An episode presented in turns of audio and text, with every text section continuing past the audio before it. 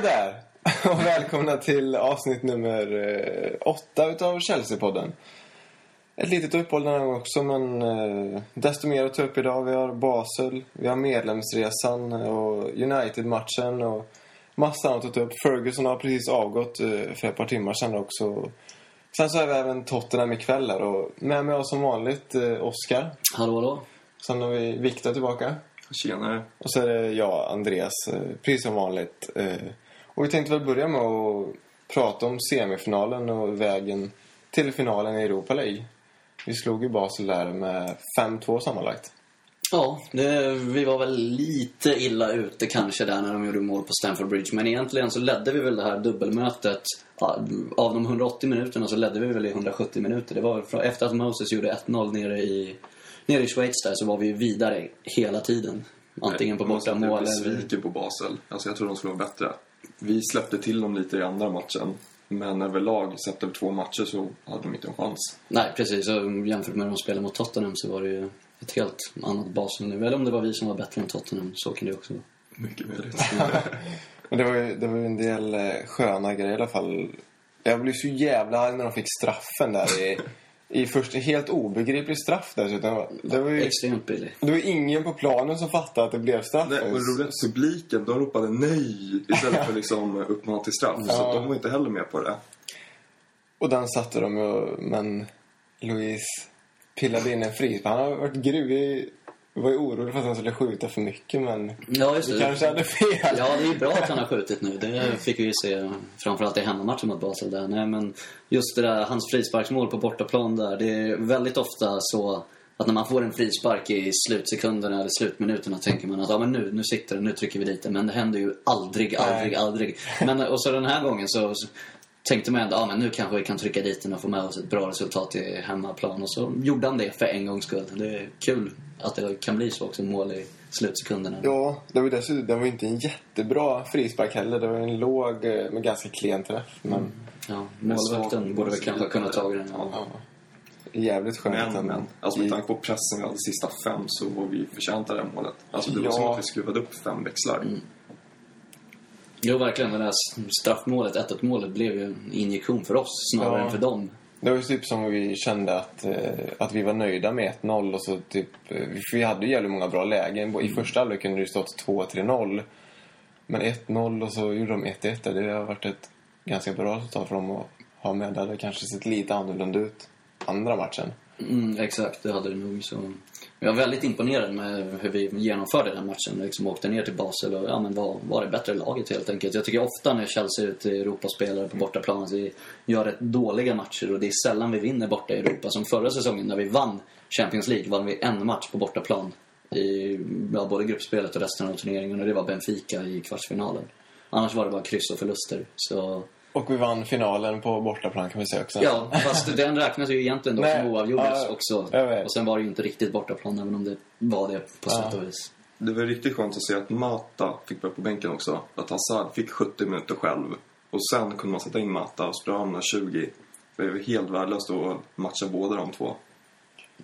Och just Mata, alltså, känns det emellanåt som att han spelar lite väl mycket. Att hans ben är lite trötta och sådär. Vi har väl pratat om det i något tidigare avsnitt också. Ja. Så det är bra att han kan vila lite emellanåt. Vi hade ju diskussion om Benitez eh, förra gången här också. Och man, man får väl ändå igenom att de här senaste matcherna nu har väl varit ganska perfekt genomförda. Med Basel, Swansea, United. Så han lyckas bra på, om man tar oss till... Alltså sett till att han har matchat våra, sto- alltså våra stjärnor så skulle jag säga att han har gjort det bra. Eh, sen finns det de här eh, truppspelarna som man kanske kan notera annorlunda på. Men låta Hazard och Mata tulla om varandra när det inte är livsviktiga matcher. Mm, Jo, men det känns som att han har fått till laguttagningarna lite Mm, jag bättre nu på Man- senare tid. Vi kritiserat honom som fan för, för det är ju framförallt det laguttagningen som han varit så jävla trött på när, när Jon har startat och blir ju tokig. Sliter ju av håret. Eller om vi nu hade haft något hår. Men, men eh, så det, det känns bra i alla fall. Och, och det är Tottenham ikväll så jag hoppas, får jag se vad laguttagningen blir där. Ja, jo, det blir spännande. Vi väl inte igenom allt för många minuter i det här avsnittet heller, Raffa, tycker jag. Nej. Nej, Vi det- kör, vi kör väl en utvärdering när säsongen är slut. Ja, det Får vi finns, se var vi står. mm, finns mycket annat att prata om nu också. Så. Ja. Och det, vi får ju inte glömma att ta upp... Louise gjorde ju ett jävla drömmål i andra matchen också. Åh, fantastiskt. Herregud. Knorren på den bollen sitter ju helt perfekt uppe i krysset där. Jag, jag stod upp i soffan och bara skrek. Det var så jävla snyggt och fel fot dessutom. Det var 3-1 målet va? Ja, jag tror det. Mm, ja, det var några fantastiska minuter där i början Ja, det av tog andra halvlek när vi gjorde tre mål där. Ja. Ja, det tog inte lång tid att vända. Ja, och då såg man att för en gångs skull så då kokade det verkligen på Stamford Bridge. Och det är så man vill att det ska vara, alltid. Ja. Ja, det var en fin liten vändning där. Och Torres fick göra mål igen. Fortfarande mållös i Premier League, men han har gjort sitt. Han har gjort jävligt bra ifrån sig i Europa League. Och det är väl han och Moses som Ja. de presterar ute i Europa nu. Alltid. Är standard. Hur många mål har Moses gjort? Han har också gjort typ fem mål eller någonting. Fyra kanske. Europa League, Ja. ja. och han gjorde mål både hemma och borta mot Basel och både hemma och borta mot Kazan. Så det är väl fyra. Ja, Gjorde han mot Stoja hemma också? Kanske, Kanske. han gjorde. Ja. låter vi vara osagt. Men minst fyra har han gjort. Som sagt, var två väl genom... Man kände sig aldrig orolig där heller. Alltså, även fast de gjorde 1-0 tänkte man... Ja, shit. Men det tänkte man i två minuter. Jag säger att backlinjen var ganska svag i första, tycker jag. Cahill och uh, Ivanovic va? Alltså de släppte till. Eh, vi gjorde dem bättre ytterligare den matchen. Eh, för att de hade ju två instick där. Först är check en jätteräddning när de skriker på Hansen på Bertrand va? Mm. Och sen får de ytterligare ett likadant läge och då sitter den ju i slutet av första. Eh, Så det är ju lite våra egna... Ja, vi ska inte ta någonting från Basel, de gör det bra men vi ger dem ju de lägena på ett helt annat sätt som vi inte gav United, om man säger så, nu i helgen. Så det känns som att det är, man är mer på tå liksom eh, över 90 minuter mot bra lag. Ja, men det, det, det är väl ett ganska vanligt fenomen. Alla lag. Det kan ju dra parallell till vilket lag som helst. Ja. Typ som Hammarby är väl det bästa exemplet. Vi åker ner och möter Ljungskile och har noll målchanser. Och så möter vi Örebro som har vunnit alla sina matcher och spelar ut dem. Det är ett ganska vanligt fenomen att man att man inte liksom... Jag vet inte varför det är så egentligen. Att man inte ger järnet eller vad... Eller att det, det sitter det så djupt rotat psykologiskt Ja, att det man... kan väl vara eh, undermedvetet att man Ja. hela tiden har i bakhuvudet att ah, men nu möter vi United och, och nu möter vi Swansea. Att det är liksom skillnad på de två i liksom, inställning och även om man inte tänker på det liksom explicit så kanske det blir att det finns där inne i huvudet någonstans. Ja, Och sen tror jag, jag, jag tror att det var i första matchen när Torres, de tog upp det på efter matchen där när han vinner bollen på mittplan, snubblar med sig bollen istället för att rycka sig fri. Sen lägger en helt värdelös passning ut på kanten som jag tror att det är Hazard som, som inte når den. Och sen så lägger de in den och så missar han sin bicicleta. Alltså, det, är så, det är så tydligt för Torres tid i Chelsea där. ja, just den där situationen. Jag kommer ihåg den. Och sen hade han ju en i insidan också. Ja. Första matchen. Det var ju tråkigt. Fint förspel av Hazard va? Ja, han dribblar ju fan igenom halva Basel.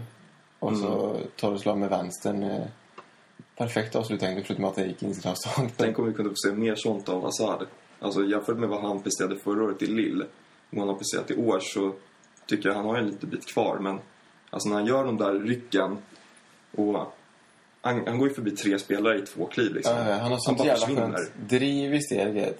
Mm, som hans mål hemma mot West Ham till exempel när han, så han spelar med matta där och bara springer ifrån. Mm. Ja, och det- Springer slalom i backlinjen ja. liksom. Men som sagt, det är hans första år och han har gjort det jävligt Ja, bra. precis. Mm. Det var ju liksom, man var lite orolig efter den här fina inledningen att han skulle dala helt. Men han, man hade väl en liten sämre period Ja. under hösten. Men jag tycker nu på slutet har han ändå varit rätt bra faktiskt. Ja. Sen, jag skulle vilja att han skjuter mycket mer. Alltså i Lill sköt han utanför straffområdet hela tiden.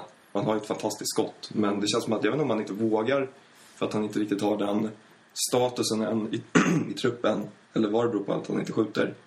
De kanske har blivit tillsagda att inte skjuta.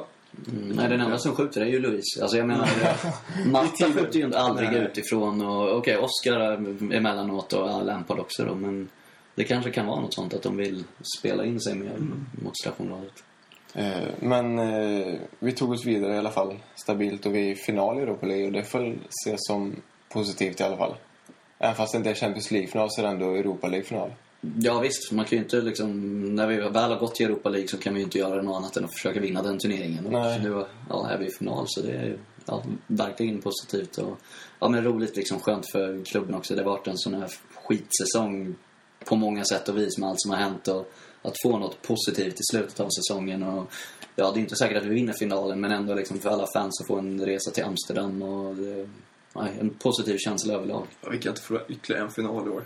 Så det Nej. skulle kännas tungt. Ja, vi har ju varit nära flera titlar, men Ja, Det finns väl goda möjligheter mot Benfica och, och vinna i finalen. Ur ett supporterperspektiv, vilka hade ni velat haft i finalen? Benfica eller Fenerbahce? Benfica överlägset för att um, jag ska ner till Amsterdam på finalen och jag tror att det blir liksom lugnare och bättre stämning om det är Benfica än om det hade varit Fenerbahce. För relationen mellan engelska och turkiska fotbollssupportrar är inte den bästa. Liksom med det här Leeds Galatasaray-incidenten där och några Leeds-fans blev knivhuggna till döds för det är 13 år sedan nu och mycket annat på vägen där så känns det som att det blir roligare i Amsterdam med Benfica än med Fenerbahce.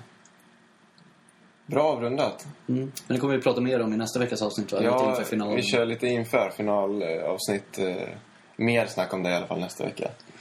Och vi tänkte väl gå vidare. Vi var ju över många CSS-are. Vann med 2-0 mot Swansea. Stabil seger.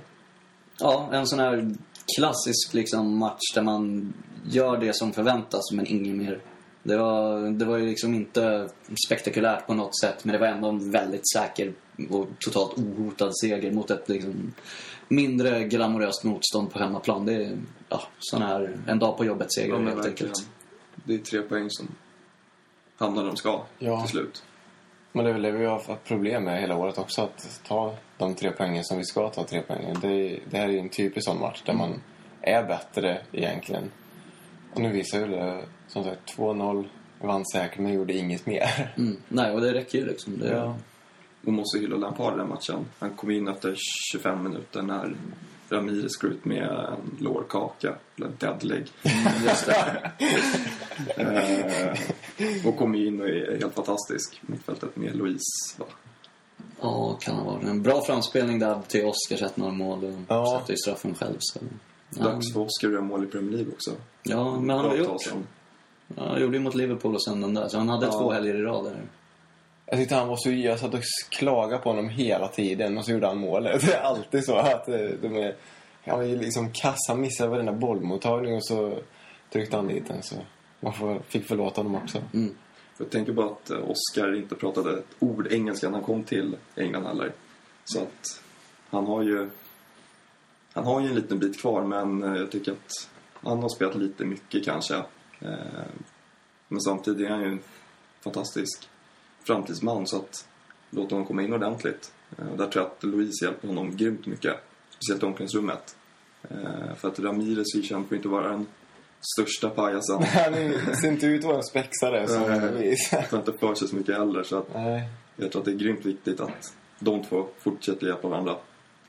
Nej, kan de umgås tydligen en hel del. Det ser man ju på liksom, Twitter och Instagram Ja, och ja, eller sånt där också. Sen när vi var på medlemsresan där, det finns, eh, för de känner, som känner till, en liten, ja det är väl en pizzeria, ett café och ja, bar eller vad man vill kalla det. Som heter Brasil, som ligger precis vid Stamford Bridge. Och eh, så var vi inne och pratade lite med personalen där och de sa att ja, men Louise är inne några gånger i veckan och Oscar också. Och sen var det några CSS som var inne och käkade där och så kom Oscar faktiskt in då och eh, Ja, eh, hälsade på där. Så det var några som fick träffa honom inne på, den, på den, ja, det stället. Då. Han dit och käkar då eller bara hänger? Eller? ja, jag frågade, åt han pizza eller så? Men det, det gjorde han inte då när de var där. Så ja, men jag antar att de kommer väl in och, ja men det är väl ett ställe för dem där de kan få prata liksom, portugisiska. Och, Det där det hänger en massa Chelsea-tröjor med Alex och... Precis, det hänger med brassarna, brassarnas namn. Det. Det är ja, Alex och Ramirez och Piasson och Belletti också tror jag kanske fanns med där. Det är ganska klent intryck i Chelsea, men... Nej, han gjorde ju, gjorde ju en del fina mål. Ja, men det var väl... Ja, jag gillade Belletti. Han var- Han var ju snygg annars. Han hade, men han sån här spelare, användbar spelare som kunde hoppa in på, både på mittfältet och högerback och gjorde mål mot Tottenham ett par gånger och några andra rökare. Så nej, han var en favorit faktiskt. Och Lampard gjorde ju sitt 201 mål va? Ja. På straffen. Eh, Det är inte så mycket att prata om. Han, det jag tänkte på att han slog den precis som mot City när han missade. Alltså Han åt vänster till vänster. Måten var ju där men Men den här gången var den stenhård i alla fall. Så. Ja. Mm, Ja, det var ett bättre tillslag kanske. Så han kanske ska byta till nästa. Och han var ju rätt nära att få sitt 202 där mot Basel i första halvlek i början av matchen när han var igenom där på något väggspel. Ja, just det. Och så sköt han i stolpen. Det var ju synd. Ja, det var lite synd.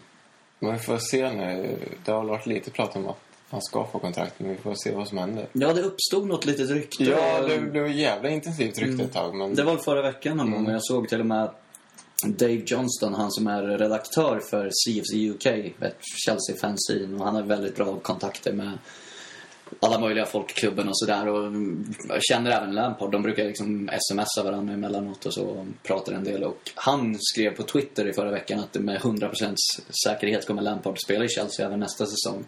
Och jag ser honom som en mycket trovärdigare källa än alla tidningar och bloggare och allt möjligt sånt där. Så man, man vet ju fortfarande inte förrän man verkligen har det på pränt på officiella hemsidan att det är klart. Och enligt Rafa Benitez vet vi vem som tränar Chelsea nästa år också. Ja, Men eh, ja nu när Ferguson har avgått så kommer han...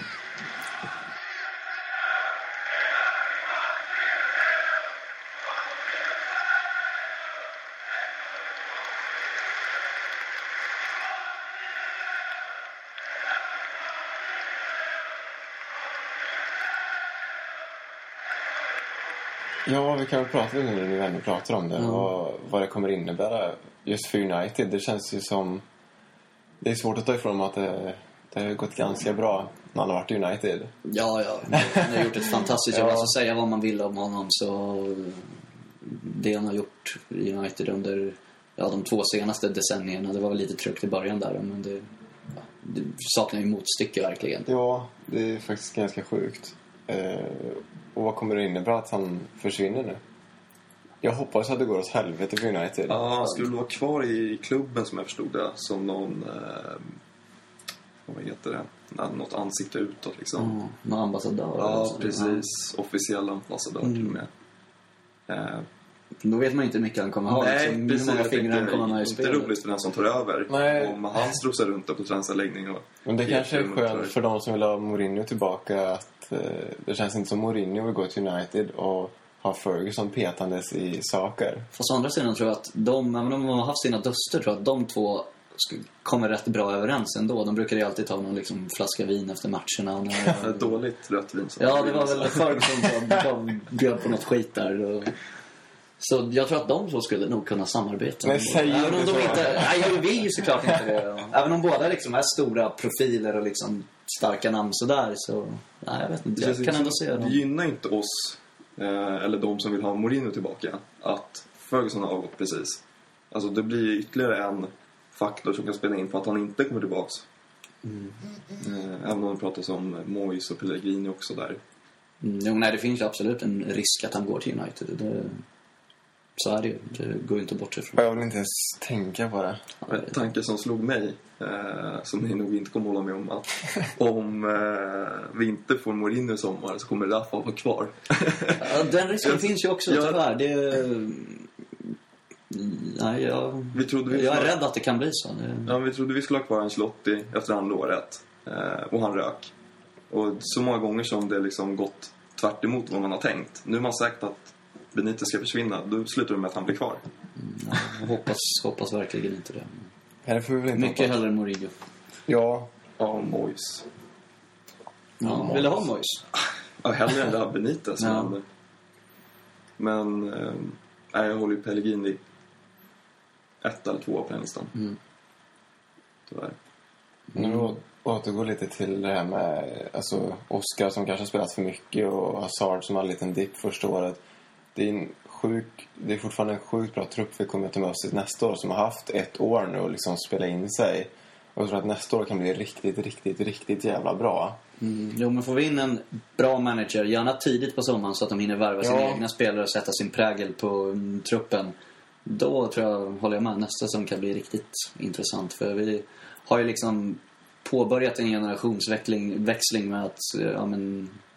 Dels, ja, Drogba har vi inte riktigt ersatt, men det kanske Lukaku kan bli en ersättare till. Men även fasa ut Terry Lampard och senare Ashley Cole så har vi ju börjat göra det. Vi har liksom Bertrand och Cahill och liksom Louise har börjat ta en plats på mittfältet och sådär. Så det känns som att det kommer kanske gå ganska smidigt att få in den nya generationen. Ja, Lukaku, jag såg första halvlek mot City igår. Han hade ju två riktigt jävla bra lägen. Han spelade bra i första halvlek, han var ganska osynlig i andra. Men han har ändå gjort 14 Premier League-mål. Vilket får anses ganska bra ändå. Ja, ja, verkligen. Som... Eh, Man väger väl 100 kilo också. typ, alltså en jävla as. Mm. Ja, han är ju en lite större maktfaktor i straff, straffområdet än vad exempelvis Torres är. Så. Ja, alltså de... Richards och eh, bredvid varandra. Det är Två ganska stora bitar. verkligen. jävla monster alltså. Och så... Också människoätare som Yahya Touré.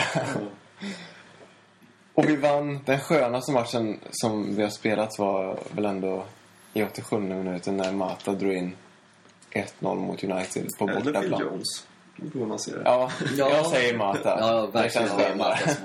Även om... Fan Victor, du ska inte säga emot mig när, när jag säger någonting nu. Nej men det var riktigt jävla skönt. Det, om United ställer upp med bästa laget, det, det skiter jag fullständigt i. Det var en sjukt jävla viktig seger. Eftersom både Tottenham avgjorde det jävligt sent och Arsenal gjorde mål efter 20 sekunder och vann sina matcher så var det nog väldigt viktigt att vi tog den segern. Och det ger väl kanske ett lite lugnare... Alltså ett litet utrymme inför ikväll i alla fall mot Tottenham att man har med sig den matchen i ryggen än om vi hade förlorat mot United. Mm, ja, jo, det ger ju ett väldigt bra läge inför striden om tredje och fjärde platsen där, absolut. Och sen, ja men skönt att åka till Old Trafford och slå United också. Det är även om de som sagt inte hade så mycket att spela för så är det ändå en prestigematch. Det är Ja. ändå mot Chelsea. Så, och det är inte så att de har några andra matcher att spara sig till heller. Nej. Så de borde ju ha varit någorlunda taggade i varje fall, tycker man. Ja, men det kändes, man var ju nervös på förmiddagen innan tills Uniteds lag kom ut. Då kändes det lite lättare. Ingen Rooney från start och ingen Carrick. Och sen när matchen väl började så kändes det som att vi var bättre. Eh, rent både spelmässigt och med chanserna. Eh, så att ju längre matchen gick desto mer kändes det nästan som ett misslyckande att vi inte fick in en boll i alla fall. Mm, nej, jag håller med. Jag tycker det kändes som att vi kontrollerade matchen. Det, vilket det är inte många lag som liksom kommer till Old Trafford och Nej, det inte ofta. förspelet. Och även som du sa hade vi fler chanser också. Det hade, borde ha gjort något mål tidigt där. Ba hade väl några chanser och Oscars stolpskott och sådär. Bara var ju värdelös faktiskt. Jag tycker han har varit i de senaste matcherna. Det känns som att han springer och springer men det blir liksom ingenting. Det är ofta så här... Han har nej, inte alls varit bra Jag vet inte hur van han är att lira själv på topp heller. Han Nej. gjorde väl det i början i Newcastle, men sen kom ju CC. Eh, och jag vet inte om de lirade en 4-2-3-1 där eller... Men de hade i alla fall två anfall på planen Mm. nästan hela tiden.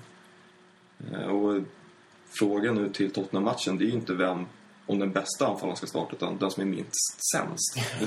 Nej men så är det ju faktiskt. Det är, för ingen av dem övertygar ju direkt. Tycker jag inte. Om man går tillbaks till eh, första Day United, alltså, vi är imponerade av pressen vi satte direkt. Alltså en hög press och stressade de ända ner på kortsidan. Eh, var på deras defensiva plan bra. Eh, och vi vann ganska mycket boll eh, precis innan i deras uppspelsfas som gjorde att de, de lyckades aldrig spela sig igenom oss utan det var de här långbollarna från mittfältet mot Van Persie eh, som var deras farliga chanser egentligen. Det var sällan de kom och lyckades såga sig och där, det är väl mycket mittfältets eh, förtjänst mer än backlinjens egentligen att de hinner sätta stopp för dem. Såklart. Och med mittfältet, Lampard och Ramirez, vi hyllade ju dem eh, förra veckan. Att de får en helt annan fart i bollen. Den, det blir inte det där drället. Eh, Jag tycker alltså överlag så har vi varit bättre mot United alla matcher vi har mött dem känns som. Den här Alltså, säsongen ja. Ja, Mm. alltså det började ju... Vi skulle ju vunnit när Klettenberg förstörde hela säsongen kanske. Eh, då var vi bättre, även fast vi tappade in tidiga mål. Mm. Sen var det ju FA-cupen. Ligacupen också. Li- ja, ligacupen också ja. Mm. Ja, just det. Men den var ju, kändes ju sådär... Det var väl... Spelade inte Sturridge kvar då? Mm. Ja, vi vann ju i varje fall. Ja. Så, Vi vann där och sen så var det FA-cupen, låg med 2-0, vände och så vann returen och så nu. Så vi har ändå var, varit bättre liksom överlag hela säsongen mot United. ja, vi har ju slagit dem fler gånger än vi har förlorat. Men det- Vunnit- vi- Vunnit tre och de har vunnit en. Så. Ja. det visar väl varför vi inte är i topp, utan att de är det med tanke på deras bredd i truppen. Alltså vi har spetsarna, det är inget snack om saken, men vi har inte den bredden som de har. Och vi kanske har bättre spelare på fler positioner, men United är United. Eh, speciellt i år, då är de ju en maskin tyvärr.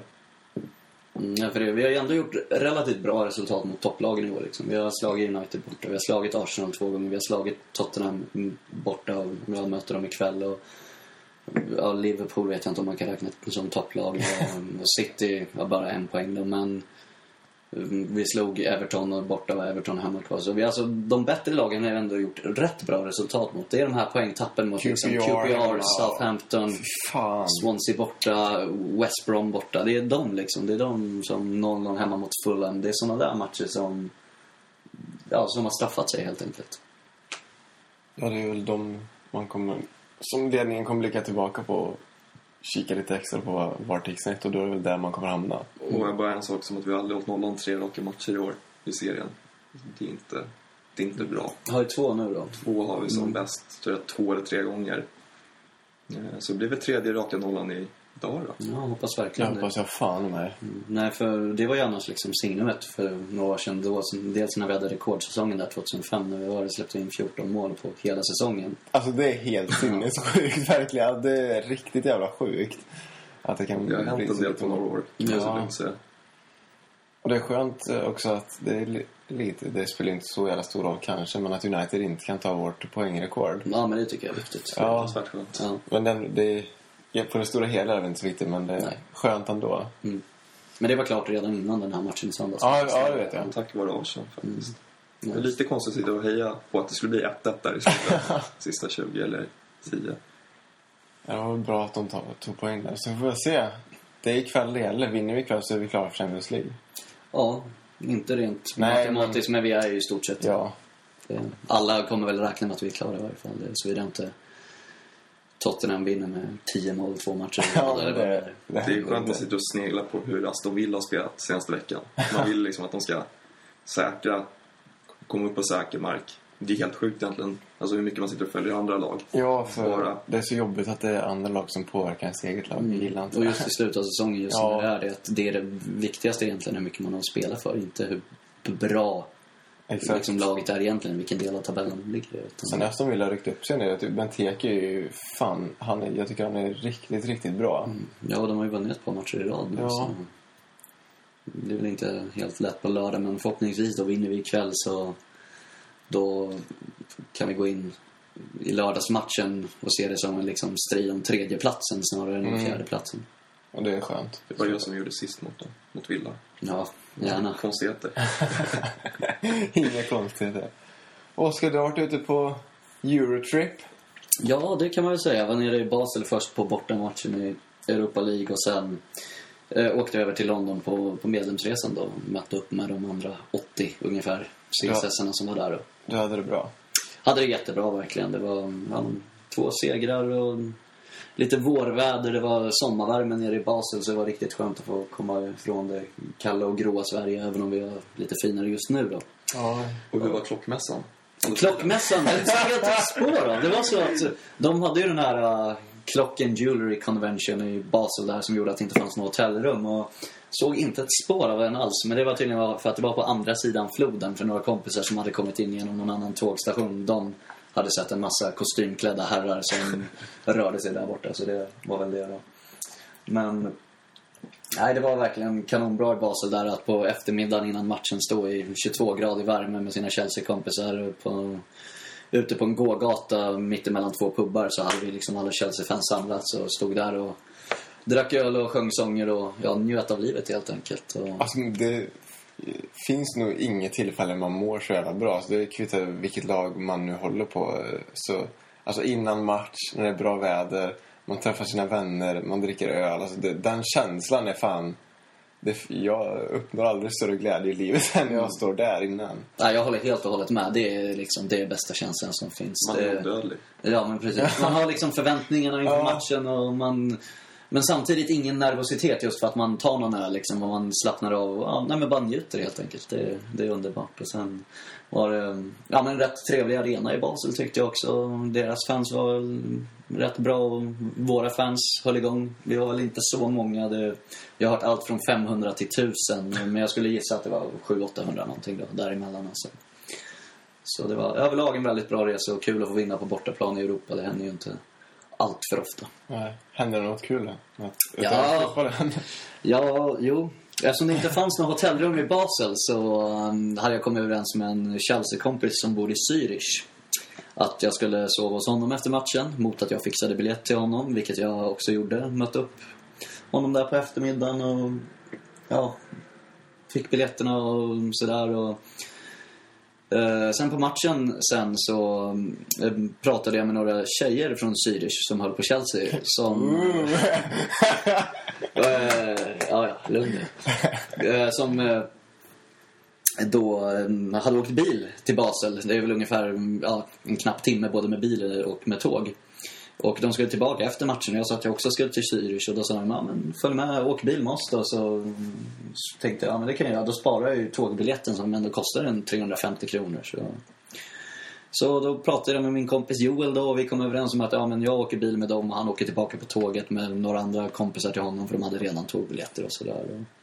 Så kom jag in till Zürich en kvart innan tåget skulle komma in, blev avsläppt av de här tjejerna vid stationen och bara stod och väntade på perrongen där på att tåget skulle komma in.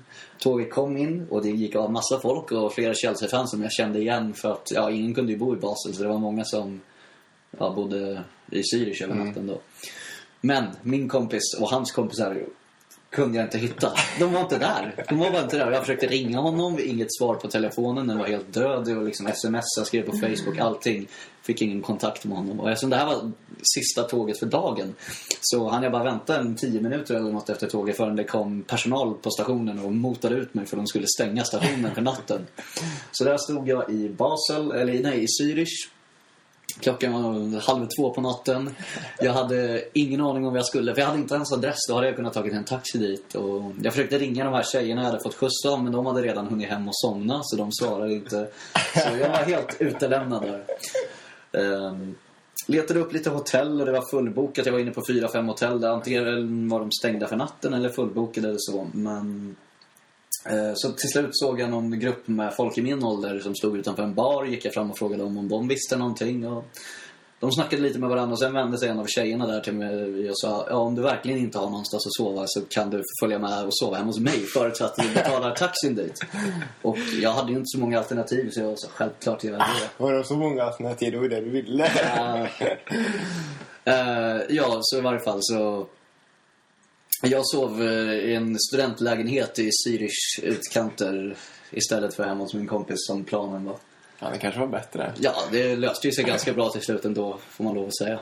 Fan, jävla bra berättelse. Alltså, grym anekdot ändå. Med, det började bra med att möta upp två tjejer.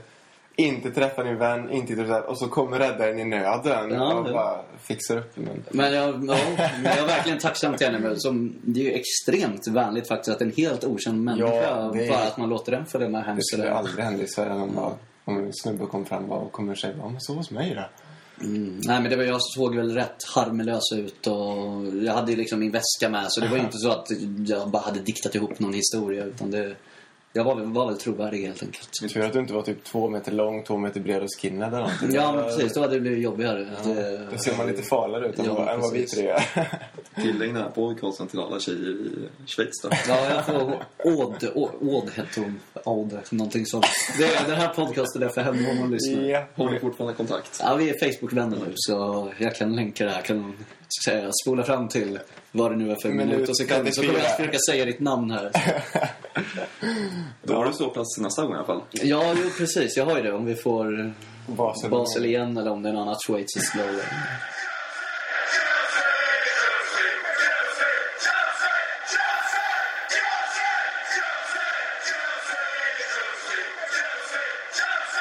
Du har ju även... Eh, du reste ju vidare från bruden sen till, eh, till London och medlemsresan. Hur var den då?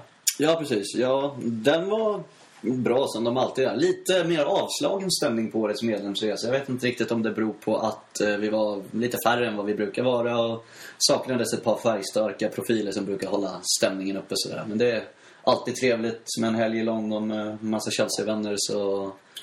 Nej, och vi vann ju också matchen på söndagen där mot Swansea så jag tyckte det var en lyckad helg.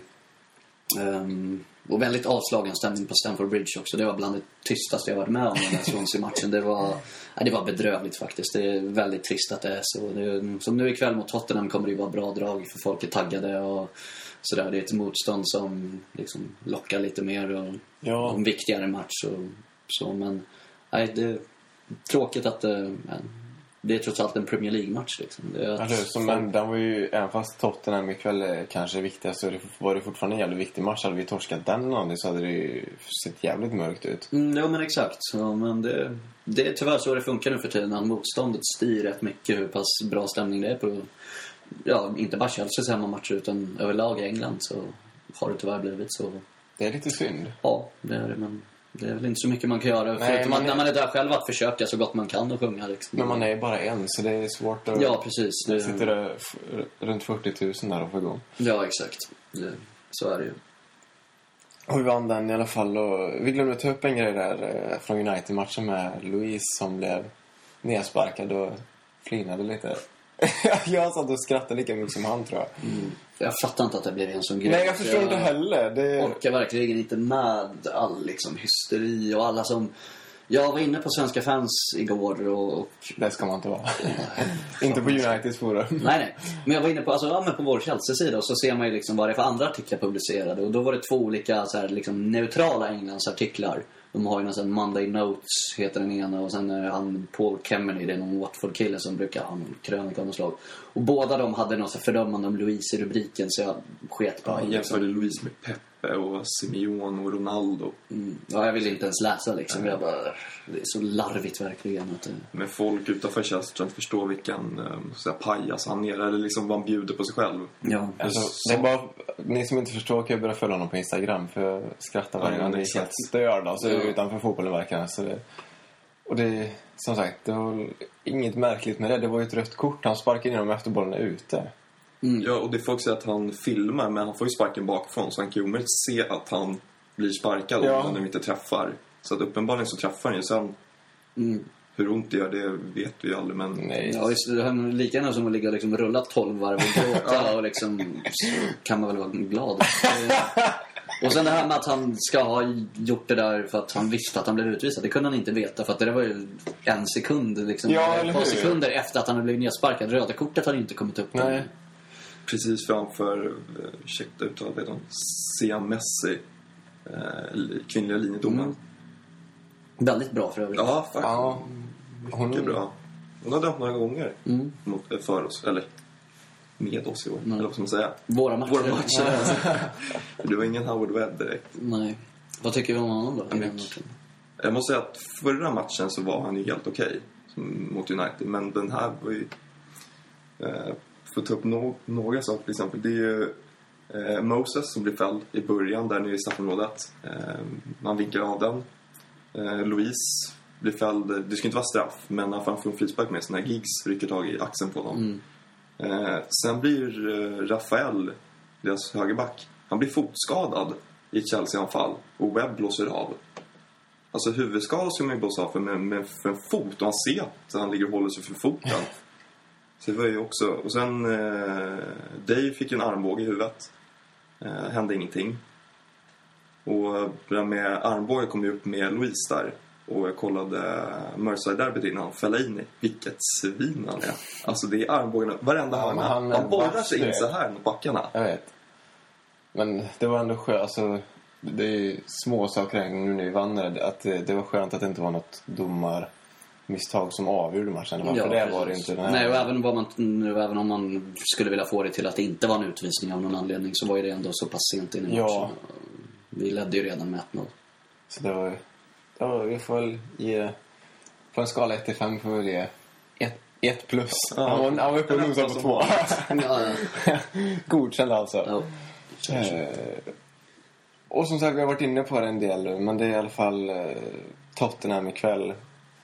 Det enda som talar mot oss är väl Bale. kan jag tycka. Ja, han är i fantastiskt bra form så han får vi gärna stoppa så han slipper göra sin numera patenterade målgest som det faktiskt är. Eller han har ju ansökt om copyright på sitt det här hjärtat som han gör med... Han alltså på copyright. Ja, jag tror- tror att han är först i världen? Nej, alltså? det är han ju verkligen inte. Liksom. Det, men han är väl den som har eh, liksom, etablerat det som sin egen. Och Det är ju såklart inte så att ingen annan någonsin får göra gesten utan det är väl att han ska ha rätt att liksom... mm, Ingen annan får trycka den på... Liksom, och använda den för försäljning på... Han kommer kanske starta något klädmärke eller något skit så... Men det, han lämnade in en sån ansökan igår till en myndighet där i Storbritannien så... Det där hjärtat är ju till hans flickvän. Om det skulle vara någon jävel som bryr sig. Inte det minsta så är det extremt larvigt överlag men det... Har han opererat öronen förresten? Jag vill inte smutskasta honom eller liksom något påhopp sådär. Men bara hört rykten om det. Eh, om ni Frågan kan är. Ingen aning faktiskt. För att kollar man på tidiga bilder när han kom från Southampton så har det ju hänt, någonting har hänt. De har liksom vikts in. frågan, frågan är vad du tittar på nu. Ja, det gör jag också. Så känner nu har lite mer. Skitsamma, Bale får se ut... Ja, Ja, ja. Bale får se ut hur han vill. Ha- Bra i alla fall. Ja, men Aron Lennons frilla, den stör jag mig på som fan. Och de här, han brukar ju köra med ögonbryn. Ja, ja. Ja, alltså, Från ögonbrynen. Ja, alltså det, jag hade så när jag var yngre. Ja. Jag rakade streck i ögonen och tyckte det var svinhäftigt. Men han är ju väl... Hur gammal är han Lennon? Ja, han är ju äldre än dig. Ja, så, och jag var ung. Jag, Ja. Det ser för jävligt ut. Ja. Skitsamma. De, föll, de är ju stjärnor. De se ut hur de vill. Ja, men no, ja. ja. Om vi ska ta upp frisyrer så är väl Sagna det bästa exemplet på den konstigaste och fulaste. Jervin har inte så jävla Men hans och- hårfäste sitter ju i nacken. så jävla ovärdig diskussion. Ja, Ska vi prata om matchen istället? Ja, vi pratar om matchen istället. Nej men alltså det... Det är intressant att se om Tottenham ställer upp med en 4-4-2 eller 4-2-3-1 eh, med Bale och Adebayor på topp. Eh, de har ju varvat. Jag tror de blir lite oftare än 4-2-3-1 när Bale får kliva in i banan men eh, spännande att se vad som hur de ställer upp och frågan är vem vi ska sätta på Bale om vi ska lägga energi på det. Det tror jag kan behövas. Ja, alltså, någon... Luis kanske? Ja, Luis eller Oscar. Jag tänkte han gjorde det ju jäkligt bra när han tog bort Pirlo. Fall Han är för halvlek. långsam. Pirlo är dessutom långsam. Mm. Ramirez är väl... Eller han Och tillgänglig? Bale ligger ju högre upp i planen Ja, än vad ja. Pirlo gör också. Det känns som att då kanske om Oscar ska ha den rollen, då kanske han tappar... Nej, inte Oscar. Han är för mycket, ja. mesig. Men skitsamma. lite Det muskler för att stoppa honom. viktiga är väl kanske vi ställer upp också. Mm. Vi får se om... eh, Det är väl... Ja, det är väl en av de viktigaste matcherna på säsongen i alla fall. För torskar vi så... Det är inte så bra. Nej, men då har vi det fortfarande i egna händer. Ja, Egentligen. men det är ändå... Det, det kan ju ge... Det är alltid negativa spiraler som sker när man... Det är ändå viktigt hemmamöte. Mm, jo men precis, förlorar vi idag har vi en massa press inför lördag och det är ju Mm. inte bra med tanke på att vi har en final ett par dagar senare. Så vi får se. Starta Terry. Tveksamt. Jag skulle inte tro det. Det verkar ju som att han är inte ordinarie i Chelsea just nu. Så, och eftersom det är en väldigt viktig match så tror jag inte han spelar. Tror, om han inte startar idag, tror du han startar mot Basel? Eller i eh, finalen i Europa Nej, League? jag tror han startar mot Villa däremot. Tyvärr. Och får väl se. Har ni något... eh, det finns förmodligen de som kommer lyssna på den här efteråt så Mm. ni behöver inte bry er om inför snacket av Tottenham. Men om vi drar till med varsin gissning då på vad matchen blir. 2-0 säger jag. Vi håller nollan. Ja, jag tycker det viktigaste är att vi inte förlorar. Dels för att liksom rent tabellmässigt men också för att hålla vårt fina rekord. Att vi inte har förlorat hemma mot Tottenham sedan våren 1990. Så under min livstid och under alla våras livstid kanske. Mm. Ja. Så har vi Ja, Victor, du är väl 12? Ja. Ja. så har vi inte förlorat på Stamford Bridge mot Tottenham och det vill jag att det rekordet håller i sig. Och, men jag tror ändå att vi vinner. Jag tror 2-1 låter nog bra. Jag tror ändå Tottenham. Jag tror ändå Bale gör mål. Så, Jag skulle precis säga det. Bale är rätt och så gör vi två. ja. Vi får se. Det återstår att se. Vad tror du då? 2-1, så jag- du snodde min, eh, Aha, mitt okej. resultat. Alltså, jag tänkte jag skulle säga exakt samma för jag tror faktiskt Bale gör rätt. Ja. Det verkar som han gör rätt i varje match. I princip. Men det känns som att vi har ett bra liksom, go i laget och hyfsad Mm. form och sådär. Så jag tror att vi kniper den här. Ja. Startar Massakar eller? Framåt? Eller får Moses? Jag vet inte. Moses Kanske är vi där. lite. Och, ja, det är svårt att se om det. Men Mm. vi får se ikväll. Vi alla tre tror ju på vinst i alla fall. Vi hoppas att någon av oss har rätt för då vinner vi i alla fall. Ja. Eh, Vad tror ni om eh, på topp då? Va eller Torres? Jag Eller vet ingen inte. Det... Ja, det är frågan om liksom. det kan nog bli... Det enda vi vet med säkerhet är att det är Torres mot Benfica nästa vecka. Liksom. Det, Mm. Så det kan mycket väl... Jag tror Torres idag och bara på lördag eller något sånt. Jag skulle nog vilja se Torres ändå idag med sin snabbhet. Om de, om eh, Tottenham vågar komma upp så högt i banan som de har tendens att göra. Kanske vi kan utnyttja. Och även kanske ha Moses på en kant då, som får springa in bakom. Oj, vi får se. Mm. Det Ja. blir, alltså det, som sagt, det är... Och Hazard är fit for fight, måste vi säga. Ja, just det. Ja, han, Ja, just det, han var han ju inte med mot lite skadad. Han har inte deadleg eller? Nej. Han har leg. Nej men, eh, är det så mycket mer vi ska ta upp? Hade vi? Just det. Eh, Oskar, du har ju varit på finmöte. Eh, Supporters Trust. Det kan du väl dra lite om och förklara för lyssnarna vad det är för någonting? Ja, precis. Det var egentligen i början, i slutet av förra säsongen, för ungefär ett år sedan, så föddes idén om att eh, det skulle skapas en Chelsea Supporters Trust. Det är ju väldigt många klubbar i England som redan har en sån här Supporters Trust, men Chelsea har inte varit en av dem. Och tanken med en sån här organisation är att den ska fungera som en slags eh, paraplyorganisation för alla Chelsea-supportrar. Att alla ska vara välkomna att gå med i den här organisationen oavsett om man är med i andra supporterklubbar eller om man är aktiv någon annanstans. Så ska det vara en samlingsplats för alla Chelsea-supportrar. Och det ska vara en demokratisk organisation som alla betalande medlemmar får rösta på vilka de vill ha in i styrelsen, alltså för den här supporters trusten då. Och eh, ja, när det är lite viktigare frågor så har alla medlemmar en rösträtt. Och tanken med den här organisationen är att eh, det ska vara en enad röst för supporterna mot klubben. För ett stort problem, så som jag ser det i Chelseas supporterbas nu, är att den är alldeles för spretig liksom. Det är lite små organisationer här och där. Några som har hemsidor och några fanzines och några liksom, det finns vi som utländska supporterklubbar och massa kompisgäng och allt möjligt. Men ingen riktig organisation där alla Chelsea-supportrar är välkomna och där alla ja, kan liksom stå upp för saker och ting gemensamt. Och eh, Ehm, man kommer även vända sig mot liksom, myndigheter som de lokala myndigheterna där i, i Fulham och ehm, ja, men lokala eh, pub och restaurangägare och liksom alla egentligen intressenter som har någonting med Chelsea att göra kommer den här organisationen vända sig emot för att eh, kunna då fungera som en enad röst för fansen. Och det här är uppstartsfasen nu. Det kommer dras igång igen på allvar i början av nästa säsong. I augusti kommer det hållas ett möte med en styrelse och eh, kommer väljas och man kommer även välja då vilka frågor man ska fokusera på inom den närmsta framtiden. Man har bland annat som mål att på lång sikt få in en person i Chelseas styrelse, en person från den här Supporters Trust. Då. Och eh, de var ute och hade ett uttalande här i veckan om biljettilldelningen i finalen i Amsterdam där båda klubbarna får 9800 biljetter var på en arena som tar 53 000. Vilket är, ja då har klubbarna tillsammans ungefär en tredjedel av arenan medan resten går till sponsorer och allmänheten och annat folk som egentligen inte har något med finallagen att göra.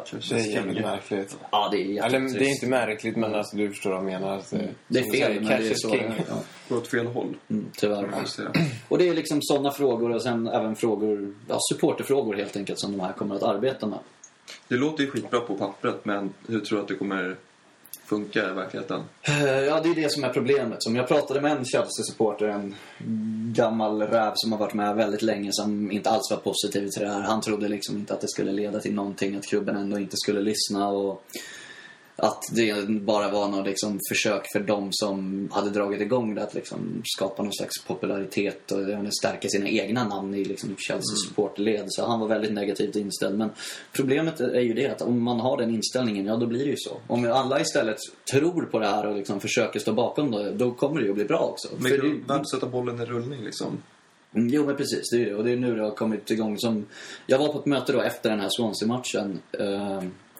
På en pub i närheten av Stamford Bridge hade de ett möte. Och eh, det var väl ungefär 40 pers där då. Mö... Det, det föregående mötet var det 400 personer på. Men eh, det var, dels var det en lördagsmatch då, så folk har inte lika bråttom hem efter matchen som det här som var en söndagsmatch. Och dels var gamle skyttekungen Kerry Dixon på besök och höll lite tal och så. Och, och det var närmare Stamford Bridge också. Det här var på puben Atlas, ungefär 10 minuters promenad därifrån. Så det var väl därför en del inte dök upp. Men då gick de igenom ja, men lite olika mm, saker om vad som kommer hända här framöver. Hur man kommer välja den här, uh, styrelsen till hösten och vad de håller på med just nu. Det är mycket att signa upp medlemmar. Så om man vill gå med så går man in på chelseasupporterstrust.com, deras hemsida. Det kostar 5 pund att bli medlem och äh, medlemskapet sträcker sig i ett år. Så blir man medlem idag så mm, ja, gäller det till den 8 maj 18. 2014 då. Eh, CSS är med som supporterklubb. Man kan även ansluta organisationer, det är en annan typ av medlemskap. Då, men då, och då har varje organisation en röst. Och sen har ju varje individuell medlem en röst. Så, så jag till exempel är medlem individuellt och ja, indirekt genom CSS då, och det gäller ju alla våra medlemmar då. Men ni får väldigt gärna lösa egna medlemskap om ni tror på det här, vilket vi hoppas att folk gör. Jag kommer lägga ut lite information på vår hemsida framöver om vad som händer med Chelsea Supporters Trust och så. Ni får gärna gå in på deras hemsida och eh, kolla lite där och ja, bli medlemmar som sagt. Um, och ja, jag kan tillägga att de har haft ett par möten med klubben redan. Bland annat med Ron Gorley som är um, VD för Chelsea. Så det är liksom... De är uppe på toppnivå i klubbledningen. Hur, hur sig klubben till det här då? de tycker att det är ett bra initiativ. För att de säger att de vill förbättra kommunikationen med fansen och sådär. Och de ser inte det här som ett liksom... Inget, inte som något hotfullt utan snarare som något positivt som mm, ja, man kan bygga vidare på och förbättra relationen mellan fansen och klubben. Och det är ju positivt, men då gäller det bara att få med sig så många supportrar som möjligt. För man blir ju en maktfaktor om man kommer och säger att vi har 50 000 medlemmar och de tycker så här. Och i nuläget kanske de har 2 000 medlemmar. Så alla som är intresserade av det här och intresserade av Chelsea, supporterfrågor som rör Chelsea, ni bör absolut bli medlemmar. Och ja, jag vet inte riktigt om jag har kunnat framföra allt på ett bra sätt här, men... eh, Summan av kardemumman är liksom Chelsea Supporters Trust. Om ni vill att Chelsea-supportrar ska ha någonting att säga till om gentemot klubben så gå med och stötta det här. Det vore kanske på tiden. Ja, verkligen. Och det är ju det, liksom, folk har insett, några av dem som redan nu är ledande figurer bland Chelsea-supportrar har insett att Det kom post. Post. posten där... Nej, de har insett helt enkelt att det är någonting måste göras innan det rinner iväg allt för långt. Men Du, det sammanfattar du bra. Ja, så precis. får man väl gå in och läsa på, på hemsidan där om man inte... Ja, eller om man vill läsa mer. Ja, det tycker jag. Spola tillbaka och lyssna om. Ja, det kan man också göra. Sätta på repeat. Men det var väl allt vi hade för idag, va? Eh, och vi har... eh, Klockan är kvart över ett. Solen skiner och det är några timmar kvar till match här. Jag har redan druckit en öl.